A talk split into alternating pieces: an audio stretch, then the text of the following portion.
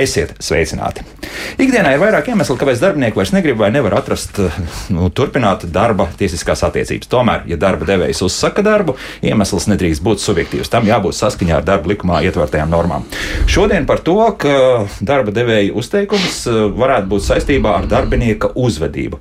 Man liekas, ļoti piņķerīgs jautājums, un vai tas tiešām tā arī ir, to mēs jautāsim juristam, konsultantam, darba tiesisko attiecību jautājumos, kas param rācinājām, kas par sveiki. Jā, labrīt. Un attālināt esam sazinājušies ar maģistri tiesību zinātnēs un personāla vadībā Karīnu Plato.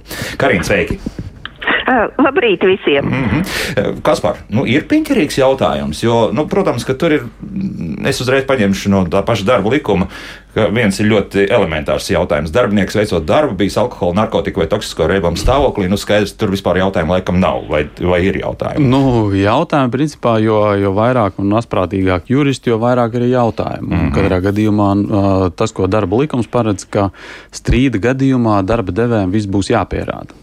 Līdz ar to jautājums ir no otras puses, kā tu vari pierādīt to, ko tu apgalvo. Kāpēc tu darbinieku esi atbrīvojis? Un šajā ziņā darbinieks var ieņemt tādu aizsardzības pozīciju, jo likumā ir uzlikts pienākums, ka tieši darba devējam strīda gadījumā viss būs jāspēj pierādīt. Un, jebkuru faktu, nu, tad lūdzu pierādi, ka tu esi bijis alkohola vai narkotika vai toksiska rēbuma stāvoklī. Un tad tagad darba devējiem jādomā, kā praktiski visu šo pierādīt. Un tieši tāpat tās par pārējiem darba likuma punktiem. Nu, es to esmu redzējis tikai vienā profesionālā basketbola komandā, kur vienkārši treniņu laikā pienāca ar alkometru klāt, jā, kurš bija kas varos, pat ceļu policijas certificētais un vienkārši lika iepūst. Ar to principā līgums ar, ar šo basketbolistu beidzās. Jā, jā. šajā gadījumā atbildi ir vienkārši šeit, ja ir uh, medicīniski, tehniski do, uh, uh, instrumenti, kā mēs to varam uh, konstatēt, tad par to strīdu visdrīzākais arī nebūs tiesā. Mm -hmm. Tad vienmēr sakot, šeit ir tā tā šaurā līnija, ka pierādīt to, ka pēc uh, darbinieku uzvedības mums kaut kādā veidā ir nu, principā, jāpārtrauc darba tiesiskās attiecības. Jā. Darba devējiem tas būs būtiskākais un grūtākais. Un jāsaka, tā, ka tieši atlaišanas gadījumi ir arī uh, vieni no populārākajiem arī tiesvedībās.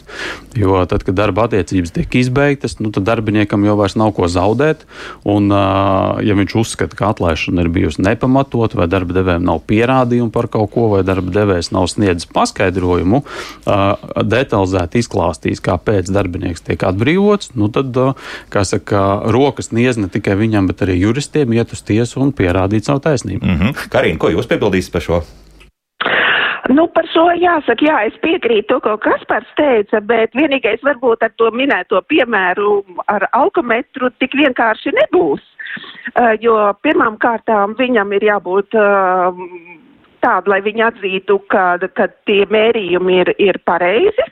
Tātad uh, certificētam, otrkārt ir jābūt uh, cilvēkam, kas šo mērījumu drī, noteiktam, kas uh, drīkst to mērījumu veikt, Un treškārt, darbiniekam nu, darba kārtības noteikumos ir jābūt noteiktai saistībai, ka viņam ir, tad, kad darba devējs prasa, ir jāiepūš šajā alkometrā, jo viņš jau var arī atteikties. Tā kā, nu, pirms tam darba devēja, ja mēs tagad runājām vairāk jau par to procesu, fakts, Un tālāk, ko darīt, tad pirms tam arī ir mājas darbs jāizdara darba devējam. Tik vienkārši nav. Un uh, tad es saprotu, ka cilvēks pilnīgi mierīgi var nākt reibumā uz darbu un pateikt, es atsakos no jebkādas apsakošanas un turpināšu darīt it kā savu darbu. Ja? Nē, Tā sanāk. Ja? Mierīgi tas nav, jo tāpēc, kad vienkārši darba devējs, ja ir izdarījis mājas darbu, pirms tam noteicis iekšējos noteikumos, kā viņš rīkosies un kā darbiniekam ir jārīkojas, tad tas nav vienkārši.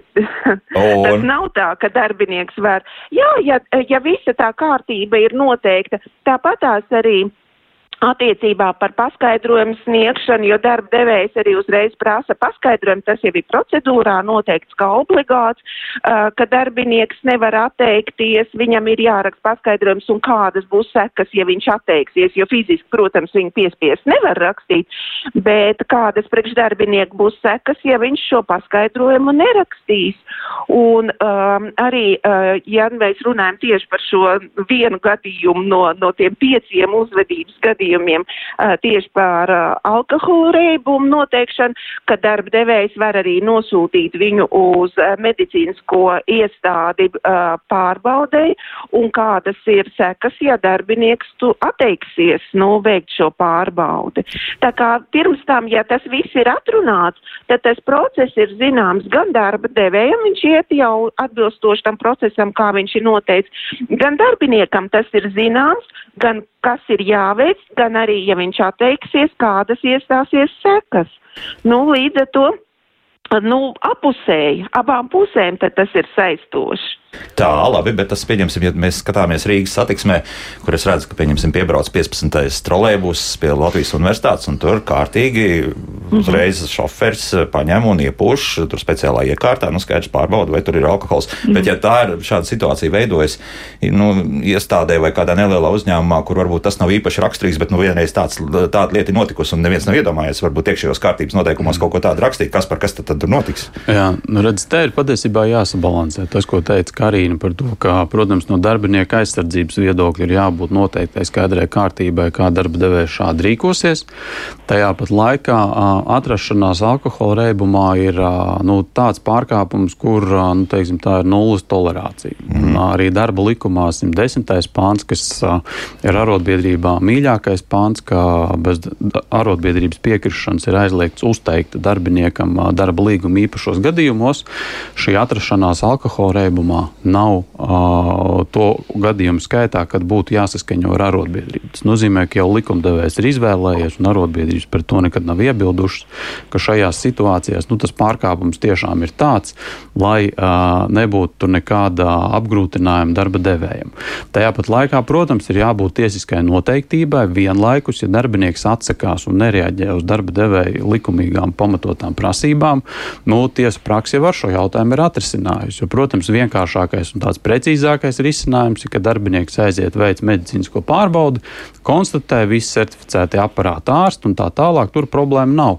A, ko darīt, ja darbinieks atsakās? Uh mhm. -huh. Pilnīgi un saka, nē, man tā jūsu kārtība te ir sunim zem astes, es te neko nedarīšu un tā tālāk. Šajā situācijā tiesu praksa ir atrisinājusi, pasakot, ka a, darba devējs, lai konstatētu šo darbinieku atrašanos alkohola reibumā, var izmantot jebkurus civilprocesuālos līdzekļus. Jo nevar būt situācija, ka darbinieka atteikšanās dot, uh, doties uz medicīnas pārbaudi uh, nevar konstatēt nekādīgu faktu. Līdz ar to darbinieks, uh, darba devējs pieaicina lieciniekus, apraksta kādām pazīmēm šis cilvēks šobrīd atbilst, sagatavo aktus, un arī šādi viņš var konstatēt atrašanos alkohola reibumā. Un par narkotikām mēs to, to pašu varam teikt. Jā? Par narkotikām mēs varam tieši, tieši teikt to pašu, un šajā gadījumā uh, ieteikums darbiniekiem, kuri uzskata, ka viņi uh, neatrodas, ja nav izdarījuši nekādu pārkāpumu, nu, uh, neiebilst darba devēja rīkojumiem. Ja tev saka, re, kur aizvedīsim uz medicīnisko pārbaudi, brauc, jo tas notiek tavā darba laikā. Darba devējiem par to būs jāmaksā, jāsadz izdevumi par medicīnisko pārbaudi. Mm -hmm. Līdz ar to darbinieks no šīs pozīcijas neko nezaudē.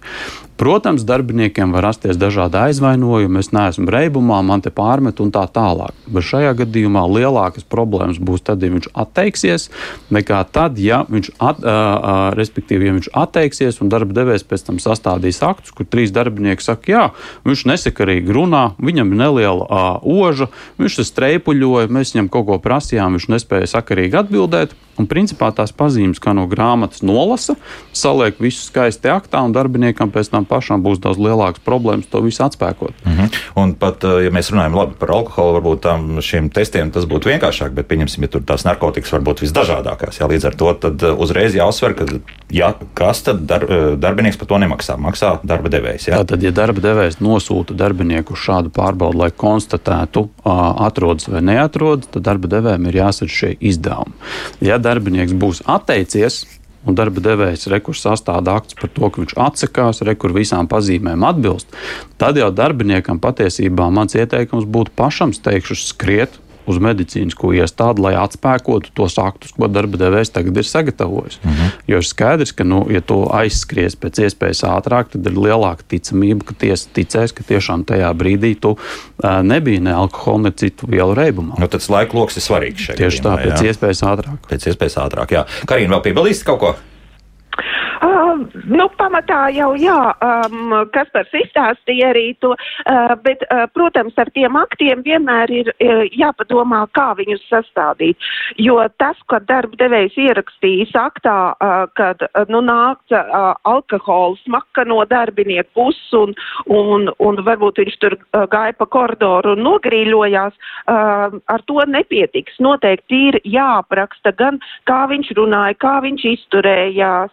Um, uh, kā, kāda viņa attieksme, kā viņš pilda pienākumus šajā brīdī, vai pilda vispār, vai ir spējīgs pildīt. Tā kā noteikti tā ļoti, ļoti uh, plaši aprakstīt, lai būtu tā ticamība, jo tas, ko uh, pašā sākumā mēs teicām, darba devēja pienākums būs pierādīt.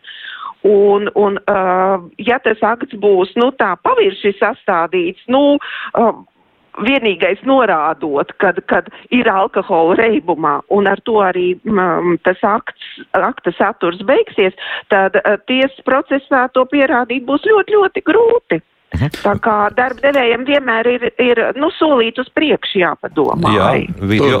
pilnīgi var piekrist, tā, ko mm. Karina teica par to strīdu situāciju, jo darbinieks var pateikt piedošanu. Es pagājušajā uh, naktī pie jums strādāju sešas virsstundas, un es biju nenormāli pārguris, ārā, ārā lietas un tā tālāk. Es vienkārši biju noguris. Mm -hmm vienkārši bija noguris, un darba devējiem būs jāatspēj tas viss atspēkot. Jā. Video liecības, audio liecības. Jā ja likums neierobežo kādu veidu pierādījumus, un arī tiesu praksē tas konkrēti, es tieši arī citēju, jebkurus civilprocesuālus līdzekļus, un tad jau tiesas gaitā, kā arī Karina minēja, tiesa vērtēs, kam un kā piešķirt lielāku ticamību. Mm -hmm. Tātad, ja skatāmies no darba ņēmēja pozīcijām, un jūs jūtaties, ka neesat absolūti vainīgs un ka šīs aizdomas ir absolūti nepamatos, tad pirmais ātri tiešām uz veselības centru, tuvāko, kas ir iespējams, kur šādas analīzes ir veicams. Nu, ja darba devējs ir sastādījis mm -hmm. aktus un apgalvo, ka to es reibumā, Jā. tad uh, viennozīmīgi šajā gadījumā darbiniekam, uh, kā saka, ir uh, jāsavāc arī no savas puses pierādījumi, lai pierādītu to, ka viņam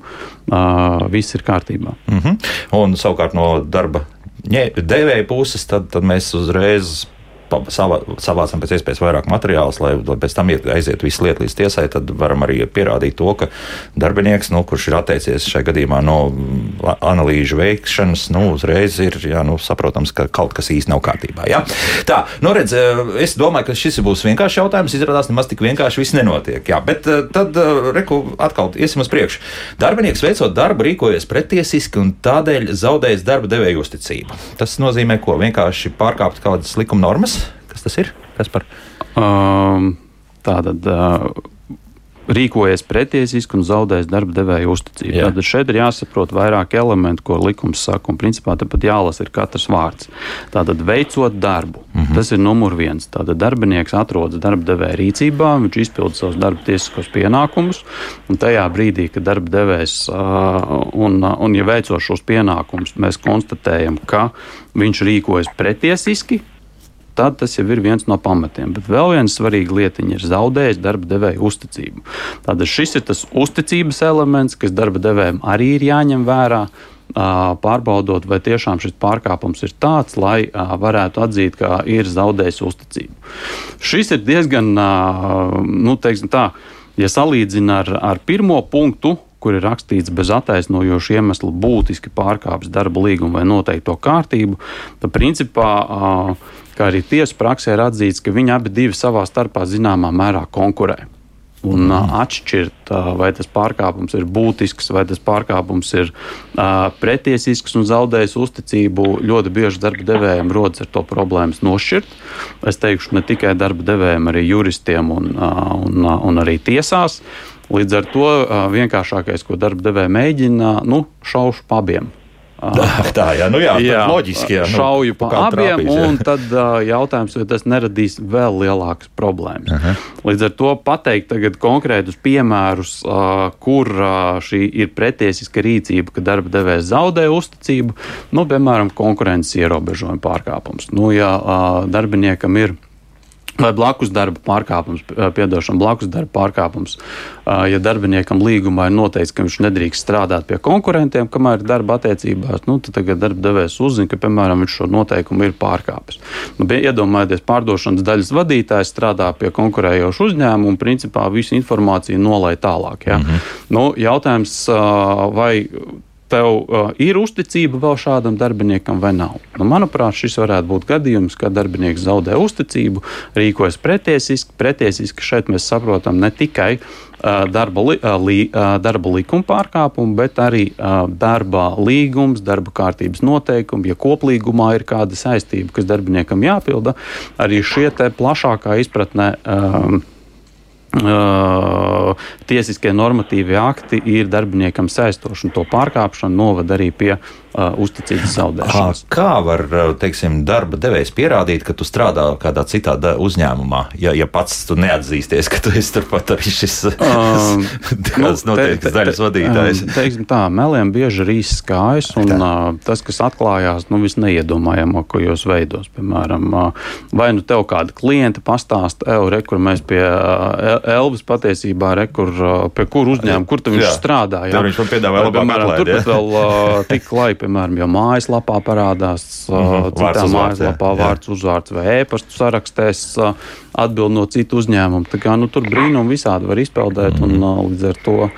Uh, Visi, jebkādām metodēm, kā vien var iedomāties, šādu brīnumu var atklāt. Skaidrs, Jā, Karina, ko jūs teiksiet? Uh, vēl nedaudz pakomentēt par to pretiesiski. Ir tā, ka kādreiz darba devējs saka, nu, ja es iesniedzu tur policijai kaut kādu informāciju, gaida atbildi no viņiem, vai tas būs, nu, tā rīcība pretiesiska. Nē, tur nekāda sakara ar kaut kādu, varbūt, zaudējumu radīšanu darba devējam, uh, ka viņš tiešām arī vēršas policijā. Nekāda sakara ar tiesiskajām attiecībām nav. Uh, šo pretiesiskumu, kas ir darba likumā ielikts, to vērtē darba devējs no sava uh, skatu punkta, no savas subjektīvā viedokļa, kā viņš uztver šo darbinieka pārkāpumu.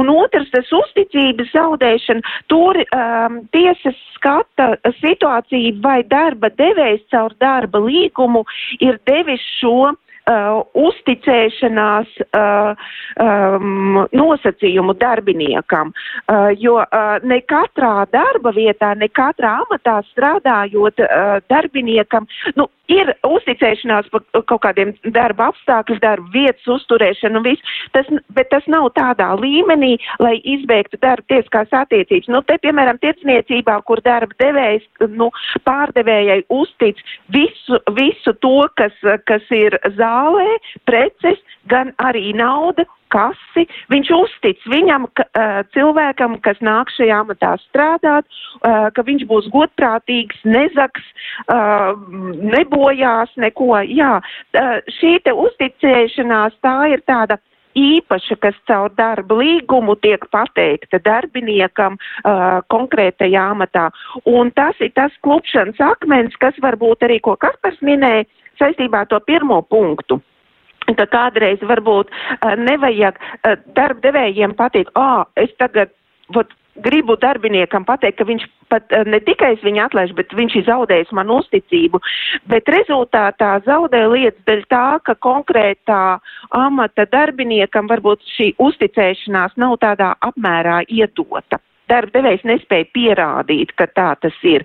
O, un varbūt pirmais punkts būtu tiešām, ka tur darbinieks ir būtiski pārkāpis noteikto kārtību un, un būtu pamats izbeigt darba tieskās attiecības, bet tieši šī uzticēš, uzticība kā tāda netiek tiesā pierādīta. Mm -hmm. Vienmēr sakot, arī nav tik vienkārši viss. Jā, jā, jā tieši nē, nē, tas ir, ko es arī iesaku. Un tiesu praksē arī jā. Tiesu prakses apkopojumā ir arī norādīts, ka ļoti bieži nu, šīs normas konkurē savā starpā. Un, un tas mm. jautājums arī, kur, kur ļoti profesionāli arī Karina minēja par to uzticības aspektu. Jā, ja mēs viņu skatāmies šādā aspektā, pilnīgi piekrītu jautājums, piemēram, ko es arī skatos no tiesu prakses, kas, kas ielasās iekšā arī šajā punktā, ka gan nepienācīgi veicot, gan vispār neveicot darba pienākumus. Mm -hmm. Tātad arī šāda te, ja tu neveic vai nepienācīgi veic savus pienākumus, tad arī šajā aspektā uh, var iekļauties šajā otrajā punktā. Tā svarīga nianses, ko es varbūt vēl gribēju pieminēt, kāpēc es teicu saistībā ar veicot darbu. Tātad tas neatiektos uz tādiem gadījumiem, ka darbinieks, piemēram, nu, um, ātruma pārsniegšana, smēķēšana pieturvietā, nu, uh, jautājums ārpus darba tiesiskajām attiecībām veikt kaut kādu pārkāpumu, nu, viņi neielasās šajā normā iekšā. Tomēr, ja? Nu, ja, piemēram, uh, tagad kādu darbinieku administratīvu pašvaldības policija sodīs par to, ka viņš uh, dzelzceļa stacijā ir smēķējis uz peronu. Nu, kāds tam ir sakars ar darba tiesiskajām attiecībām? Bet, nu, ja labs jurists varbūt pievilks klāt to visu. Ne? Nu, pievilkt var kaut ko, tāpēc arī šeit likumā ir rakstīts veicot darbu. Mm. -hmm. Un mēs koncentrējamies uz šo. Ja nevar ielasīt kādu no uh, pārkāpumiem vai vēlmi atbrīvot darbinieku, ja nevar ielasīt kādā no pirmajiem pieciem punktiem, tad darba likumā ir speciāls, uh, speciāla panta daļa, kas dod iespēju darba devējam celt prasību tiesā. Un tad jau viņš pierādīs, ka es nevarēju atrast pārkāpumu, ielasīt kādā no pirmiem pieciem punktiem. Tāpēc es ceļu prasību tiesā, lai tad nu, tiesa atzīst, ka tas šis konkrētais gadījums ir tāds, kas dod tiesību izbeigt darba attiecības jau tiesas ceļā. Nu, bet labi, pieņemsim, Karina, jūs jau arī minējāt šo piemēru, nu, ka principā darba devējs uztic uh, kaut kādā veikalā darbiniekam arī kasi. Līdz ar to tā, tā, tā par to uzticību nav tik daudz runas. Bet pieņemsim, ja tam pašam darbiniekam jāizvieto veikalu plauktos, ir nu, tas pats, nu, pieņemsim, piens, jā, un, un kā zināms, nu, tā, tās, tās piena mm, teiksim, pudeles vai, vai, vai jebkurš cits iepakojums, kurš ir nu, tas derīguma termiņš iet uz beigām, parasti tiek nolikts priekšā kaut kur, lai ātrāk pircējs to paņemtu un, un izlietot. Un varbūt, ka. Nu, Tas darbinieks nekādu neievēro. Viņš vienkārši samet iekšā tās, tas piena pudeles tur un, un tā arī stāv. Tas darba devēja neapmierina. Tas, tas varētu būt par pamatu uzticības zaudēšanai. Nu, tā, kā tāds sīks nu, pārkāpums. Ja? Domāju, ka nē. Domāju, ka nē, kad, eh, ja darba devējs, nu, eh, protams, tur ir jāvērtē arī, eh, mēs tagad runājam par darbinieku uzteikumu um, saistībā ar kādiem viņa pārkāpumiem, bet katrs pārkāpums ir jāvērtē, vai tas ir. Uh, tas smagākais variants - izbeidzam darba attiecības, vai darbiniekam var piemērot disciplināru sodu piezīmi rājienu. Bet šajā konkrētajā gadījumā, ja uh, ar tām piena pakām, ja nu ir tā, ka uh, varbūt tas jau nav pirmo reizi, varbūt darbiniekam jau aizrādījumi ir bijuši, varbūt pat ir bijis disciplinārs sods. Nu, cik tad ilgi audzinās darbinieku uz, uz tādu niansu, kas viņam tā kā pienākumos ir noteikts, ka tas ir jāpilda un pats par sevi saprotams, tad vienā brīdī varētu būt arī uzteikums, bet domāju, ka ne šīs uzticības zaudēšana, bet tas, ko mēs jau kas par pieminējām, pirmais punktiņš bez attaisnojoša iemesla būtiski pārkāpis darba līgumu vai noteikto kārtību. Mhm. Tas būtu šajā situācijā, ja tiešām tas ir būtisks pārkāpums, ja tur jau varbūt nu, sekām nav jāiestājas, kad nu, nāk klients viens pēc otru un, un, un, un uh, sūdzības raksta, bet ka darba devējs varbūt uh, nu, uzraugot, kontrolējot, kā darbinieks veic šos pienākumus, uh, viņu jau ir norādījis, viņam jau vēlreiz izskaidrojis, kas ir pienākumos. Un atkal un atkal no reizes uz reizi tik un tā darbinieks pavirši veic šos pienākumus eh, tā, ar nepienācīgu uzmanību un kārtību, tad nonāk pie darbtiesko attiecību izbeigšanas, bet tad būtu tas pirmais punkts. Manā skatījumā Mhm. tad tur būtu pirmais. būs šādi. Ja? Skaidrs, jā. Nu, uh, savukārt uh, mums tūlīt laiks muzikai, bet kāds klausītājs mums uzrakstīja, vai tad tiešām tik ļoti dzer darba vietās, ka trešdaļa no raidījuma runājot par dzeršanu darba vietā, tad bija reakcija. Tā ir problēma, kas par. Nu, mēs tikko dzirdējām, kur autobusu šoferi noņēma no jā, jā, Jelgavā. Jā, Un mēdīs skaļi par to runāja. jā. Līdz ar to nu, droši vien ka tas ir tāds jautājums, kas mm -hmm. sabiedrībai, uh, pat ja tas varbūt nav tik biežs pārkāpums, tad šāda pārkāpuma uh, esamība var radīt ārkārtīgi smagas sekas. Tieši tā. Tāpēc arī mēs runājam. Tā runājam, jā, un arī tas mans uh, skats, jā, ko es redzēju, ka vienkārši tiešām Rīgas satiksmes, tu vismaz trolēbusos ir šīs alkometrs iestrādāts iekšā un nepārtraukti.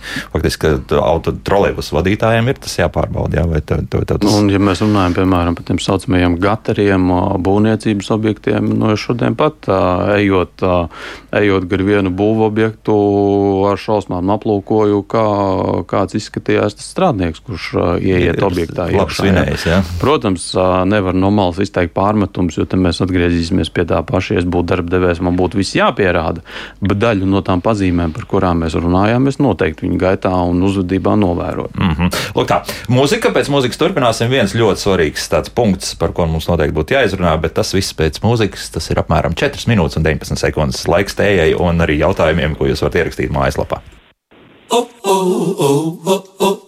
Kā labāk dzīvot?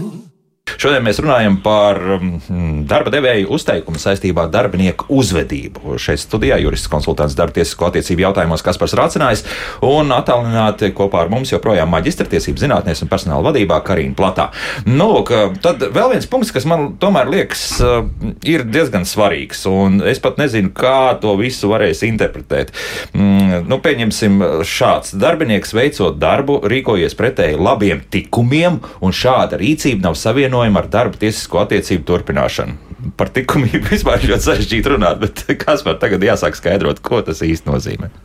Um, nu tā juridiski izsakoties, tā ir uh, ģenerāla klauzula. Vienkāršiem vārdiem izskaidrojot, tas nozīmē, ka tas ir tāds abstrakts jēdziens, kuru mēs katrā konkrētajā situācijā, katrā konkrētajā gadījumā aizpildām ar uh, saturu. Principā tur var ielasīt ļoti daudz dažādas lietas. Tas, kas ir svarīgi, tas ir saistīts ar uh, morāli, ētiskiem, uh, sabiedrības vispār pieņemtajām normām, kuras darbinieks uh, ir vai nav ievērojis. Nu, lūk.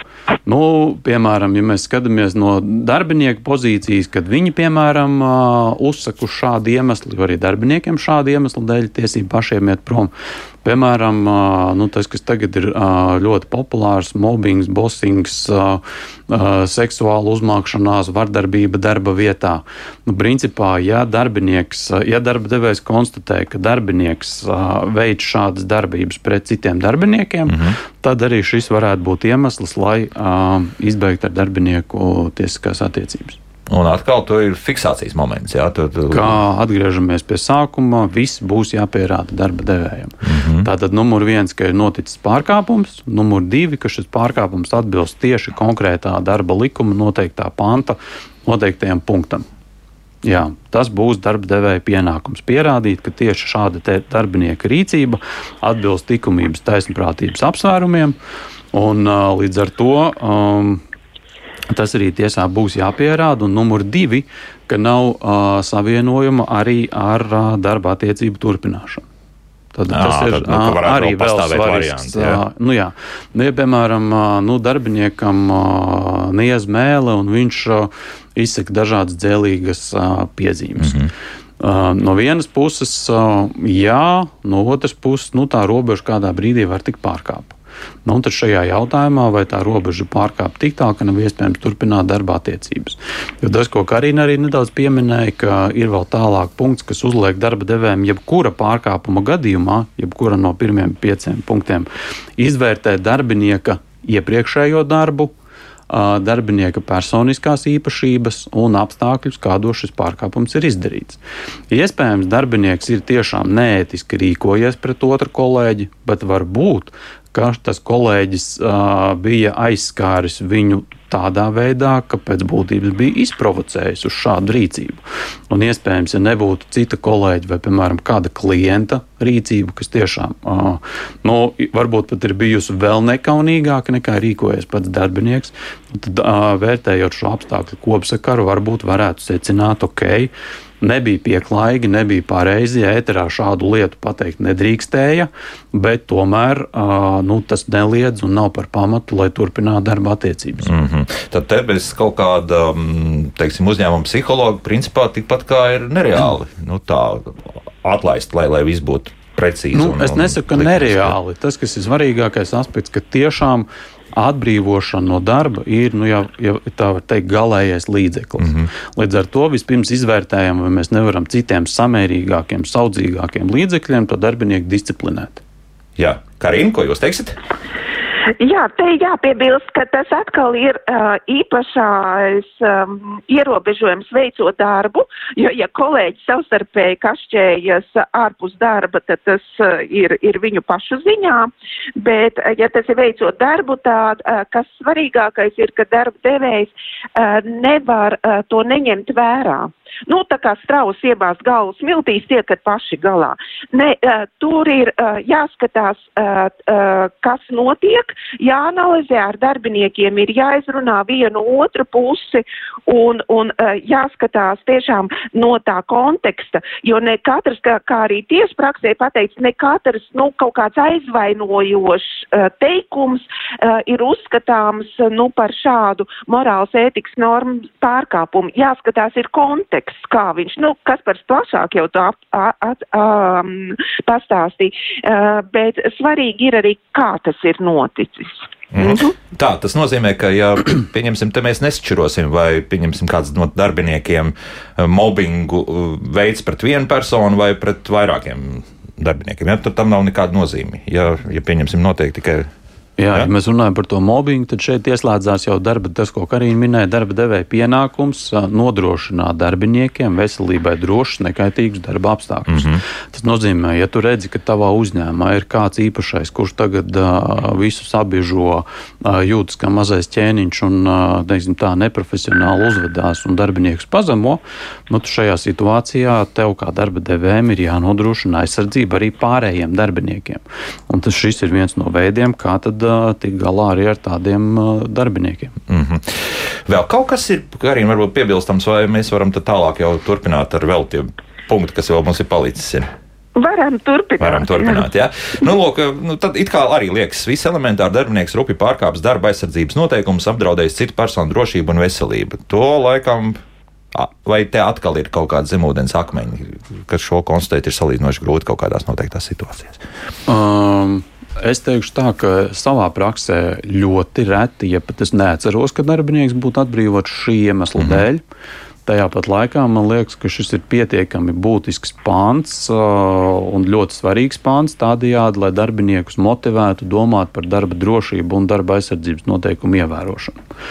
Jo nu, tās sekas var būt diezgan dramatiskas kā mēs minējām. Ja?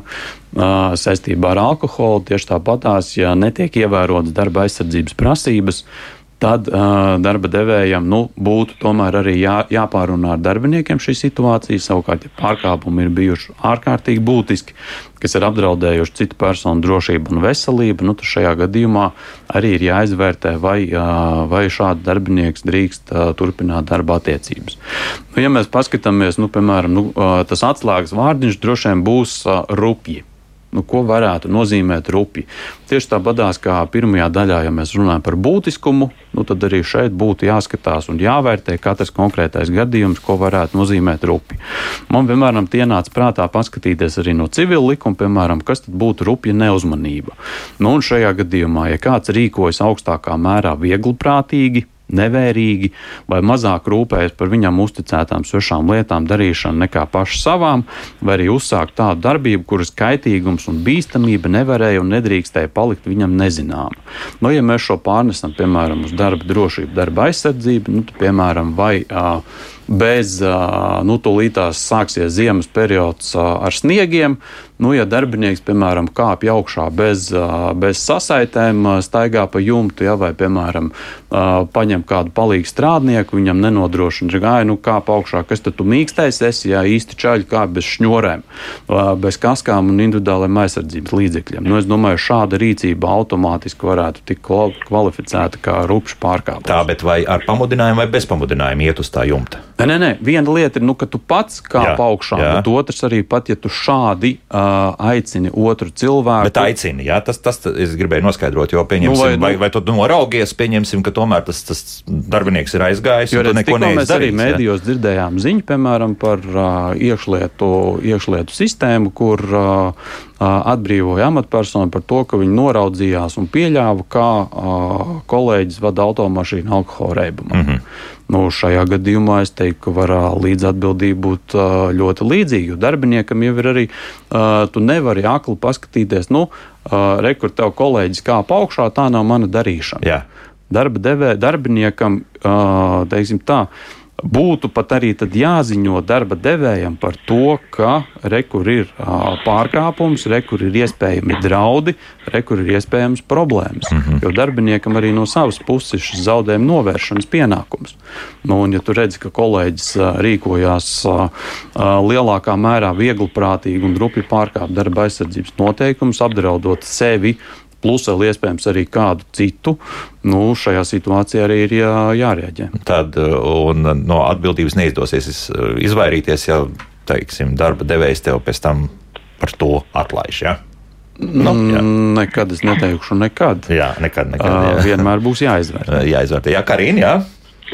Jā, es vēl par otru vārdiņu, kas par to rupji teica, kam piekrīt, jā, otrs ir apdraudējis. Ir tā, ka pie šīm situācijām, kad ir darbinieku uzvedība, tad darbiniekam ir jāraksta paskaidrojums pirms, pirms, nu, procesa kārtībā, tas pirms uzteikums tiek izsniegts. Tad darbinieki kādreiz arī, nu, kā attaisnojumu raksta, ka, bet nekas jau nav noticis.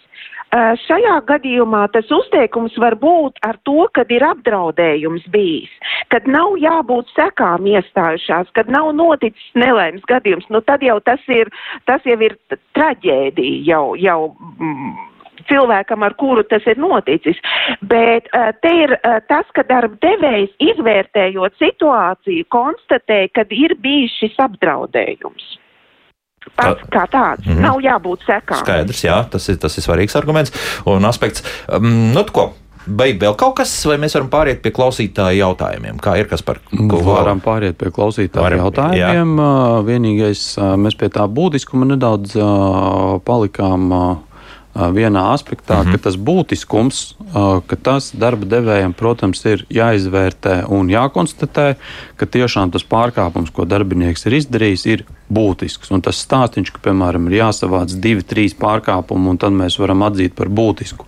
Likumā tā nekas noteikts nav, bet ja darbinieks regulāri veic dažādu veidu pārkāpumus, un tie, tie, piemēram, ir atkārtoti, tad to darba devējs var ņemt vērā arī šī pārkāpuma būtiskuma uh, izvērtēšanā. Tagad tas jā. ir jāņem vērā. Jāņem vērā jā. Tā, klausītājs mums jautā par tādu situāciju. Priekšnieks nepamatot izsaka aizrādījumus un piezīmes, nepārtraukt piesienus, jo grib manā vietā ielikt citu. Te mēs jau sākām par bosingu, mobbingu runāt. Vai tas attiecas uz šīs dienas jautājumu vai nē, bet mēģināsim palīdzēt mūsu klausītājiem. Nu, ja mēs runājam par uh, mobbingu, bosingu, tad uh, no vienas puses tā ir uh, aktuāla, vienlaikus diezgan sarežģīta lieta. Proti, uh, ir vairāki kriteriji, kā var konstatēt, vai ir šis psiholoģiskais terors, mobbings, bossings. Viena no pazīmēm, ko klaus, klausītājs arī minēja, ja uh, tā sistemātiskā piekasīšanās, paskaidrojuma pieprasīšana, aizrādījuma izteikšana konkrēti vienai personai, līdz ar to darba devējiem būtu jāspēj pierādīt, ka šādi pārkāpumi ir faktiski, jeb šie pieprasījumi, no, kas tiek vērsti viena darbinieka virzienā, ka tāda arī tiek šie kontrols mehānismi arī pret pārējiem. Tam ir jābūt arī zināmā mērā ilgstošam laika posmam. No juridiskā literatūrā minēts ir apmēram pusgads. Tajā pat laikā tiesu praksē ir atzīts, ka arī īsākā laika periodā izteikti šādi uh, agresīvi, intensīvi pret darbinieku vērsti uh, rīcības soļi arī var liecināt par uh, mobbingu. Līdz ar to atgriežamies pie tā, ka katrs konkrētais gadījums būs individuāls, bet tā vispārējā ziņa, ka uh, vērsta pret konkrētu darbinieku ar mērķi uh, izēst, radīt kaut kādu uh, sajūtu, lai viņš pats aiziet prom no darba, vai arī uh, noskaņot pārējos darbiniekus pret šo darbinieku. Kādas ir tās reālās situācijas, kā to risināt tālāk? Ja? Nu, pieņemsim, nu, mēs esam fiksējuši, ka tāda lieta notiek un Jā, tad uh, no vienas puses darbiniekam ir tiesība uh, vērsties pie darba devēja, lai šādu vienlīdzīgu tiesību pārkāpumu novērš, nu, respektīvi pārtrauc. Uh, ja tas nestrādā, nu, tad darbiniekam ir tiesība celt prasību tiesā. Numur viens, lai prasītu arī kādu morālā kaitējuma atlīdzināšanu. Mm -hmm. Tajā pat laikā, ja mobbinga ietvaros darbiniekam ir radītas tādas sekas, kā piemēram piezīme, rājiens, uh, samazināts kaut kādas prēmijas, vai darbinieks ir pretiesiski, piemēram, pārcelts kaut kādā citā amatā, tad vienlaikus apstrīdot arī šo rīcību un lai atjaunotu darbiniekam atpakaļ iepriekšējo stāvokli. Mm -hmm. Karina, piebildīsiet kaut ko? Uh, nē, kas par jau visu, visu izstāstīja. Labi, jā. Nu, tad tālākie jautājumi, ko mums jautā. Nu, vai darba devējs var likt rakstīt paskaidrojumu par kaut kādu konkrētu situāciju, uzdodot to mutiski darīt, vai tomēr tur jābūt rīkojumam ar pamatojumu? Mm, darba devējs var prasīt uh, darbiniekam dažādu veidu paskaidrojumus. Uh, darbiniekam uh, likumā ir noteikts, ka darbiniekam paskaidrojumi tad ir jāsniedz rakstveidā. Uh, saistībā ar šiem mutiskiem rakstveida uh, pieprasījumiem, tas, kas ir jāsaprot, ka ja darbinieks nesniegs vai nereaģēs uz darba devēja mutiski pieprasīto rīcību, tad uh, darba devējiem jau būs jāspēj pierādīt, ka viņš šādu paskaidrojumu ir pieprasījis. Mm -hmm. Jā, Karina, piebildīst? Tieši tā, likums uh, nepasaka, kā pieprasīt. Uh, to izvēlas darba devējs, bet skatoties solīt uz priekšu, ja strī, būs strīds un būs jāpierāda, tad mutvārdos pieprasītu paskaidrojumu būs diezgan uh, grūti pierādīt, ka darba devējs tā ir, ir darījis. Tā kā pamatā šobrīd pēdējos gados jāsaka tā, ka darba devēji izmanto rakstveidā, vai tas ir um, rīkojums, vai tas ir kāds cits dokuments, vienalga kā viņi nosauc, bet uh, tas, ka darba devēji uh, spēs pierādīt, ka šāds dokuments ir izdots un uh, darbinieks, jo pie, uh, tā kā es teicu, uh, darbinieki uh, paskaidrojumu, nu, viņi var izvēlēties nerakstīt. Nu, tas gan nāk viņiem par sliktu, var nākt par sliktu, jo caur, caur šo paskaidrojumu viņi tā kā pastāsta to savu versiju, kāpēc ir noticis tas, kas ir noticis. Tāpēc visiem darbiniekiem es silti iesaku, tad, kad darba devējs prasa paskaidrojumu, rakstiet, rakstiet to savu versiju, kas ir noticis, jo tikai tad, kad ir, ir fiksēts fakts, pārkāpums un pielikts klāt darbinieku paskaidrojums, tad notiek tas izvērtējums izvērtējums, cik tas ir būtisks, vai ir zaudējis darba devēju uzticību, vai ir rupji pārkāpumi.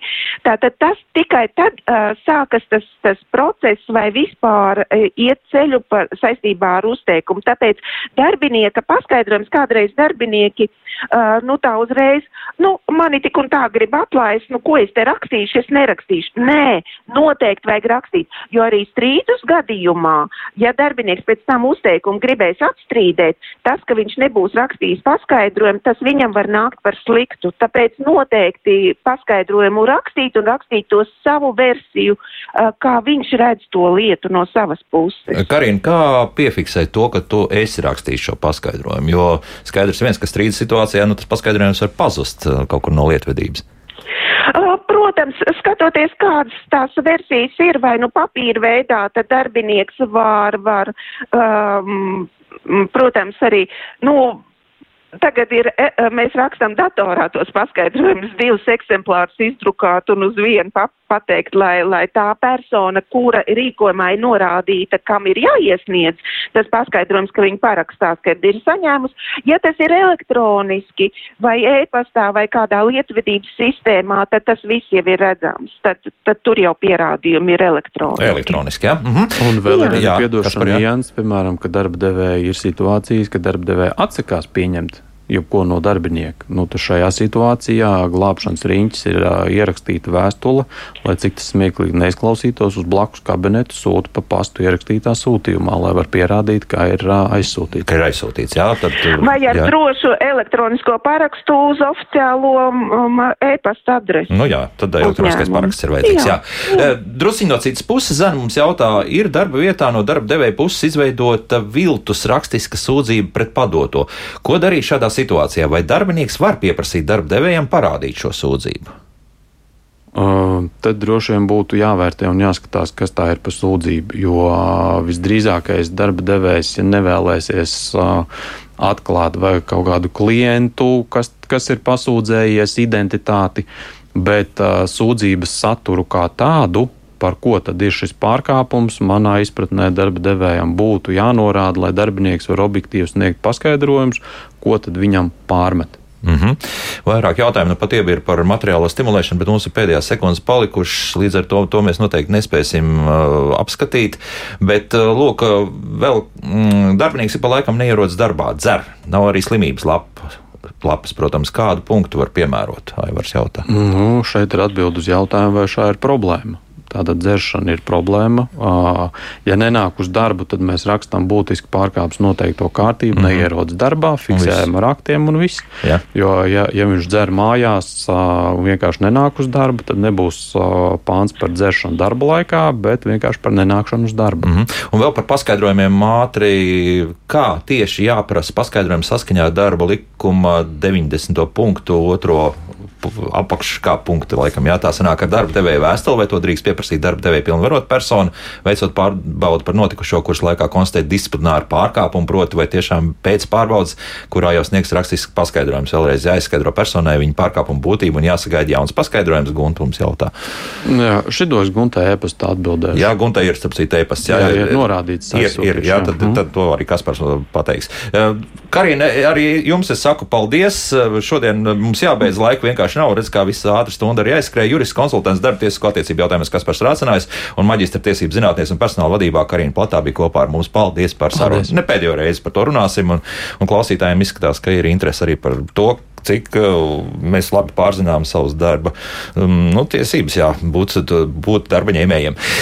Tā, rītdien gan pāriesim uz kādu citu lietu par ledus puldzēm runāsim, jo izskatās, ka mūsu klausītājiem bija liela interese, kad mēs runājam par dažādiem jautājumiem, kas saistīti ar energoefektivitāti, tieši par ledus puldzēm, par to efektivitāti un ilgmūžību. Nu, par to tad rīt raidījumā. Jaukdien visiem! Tā!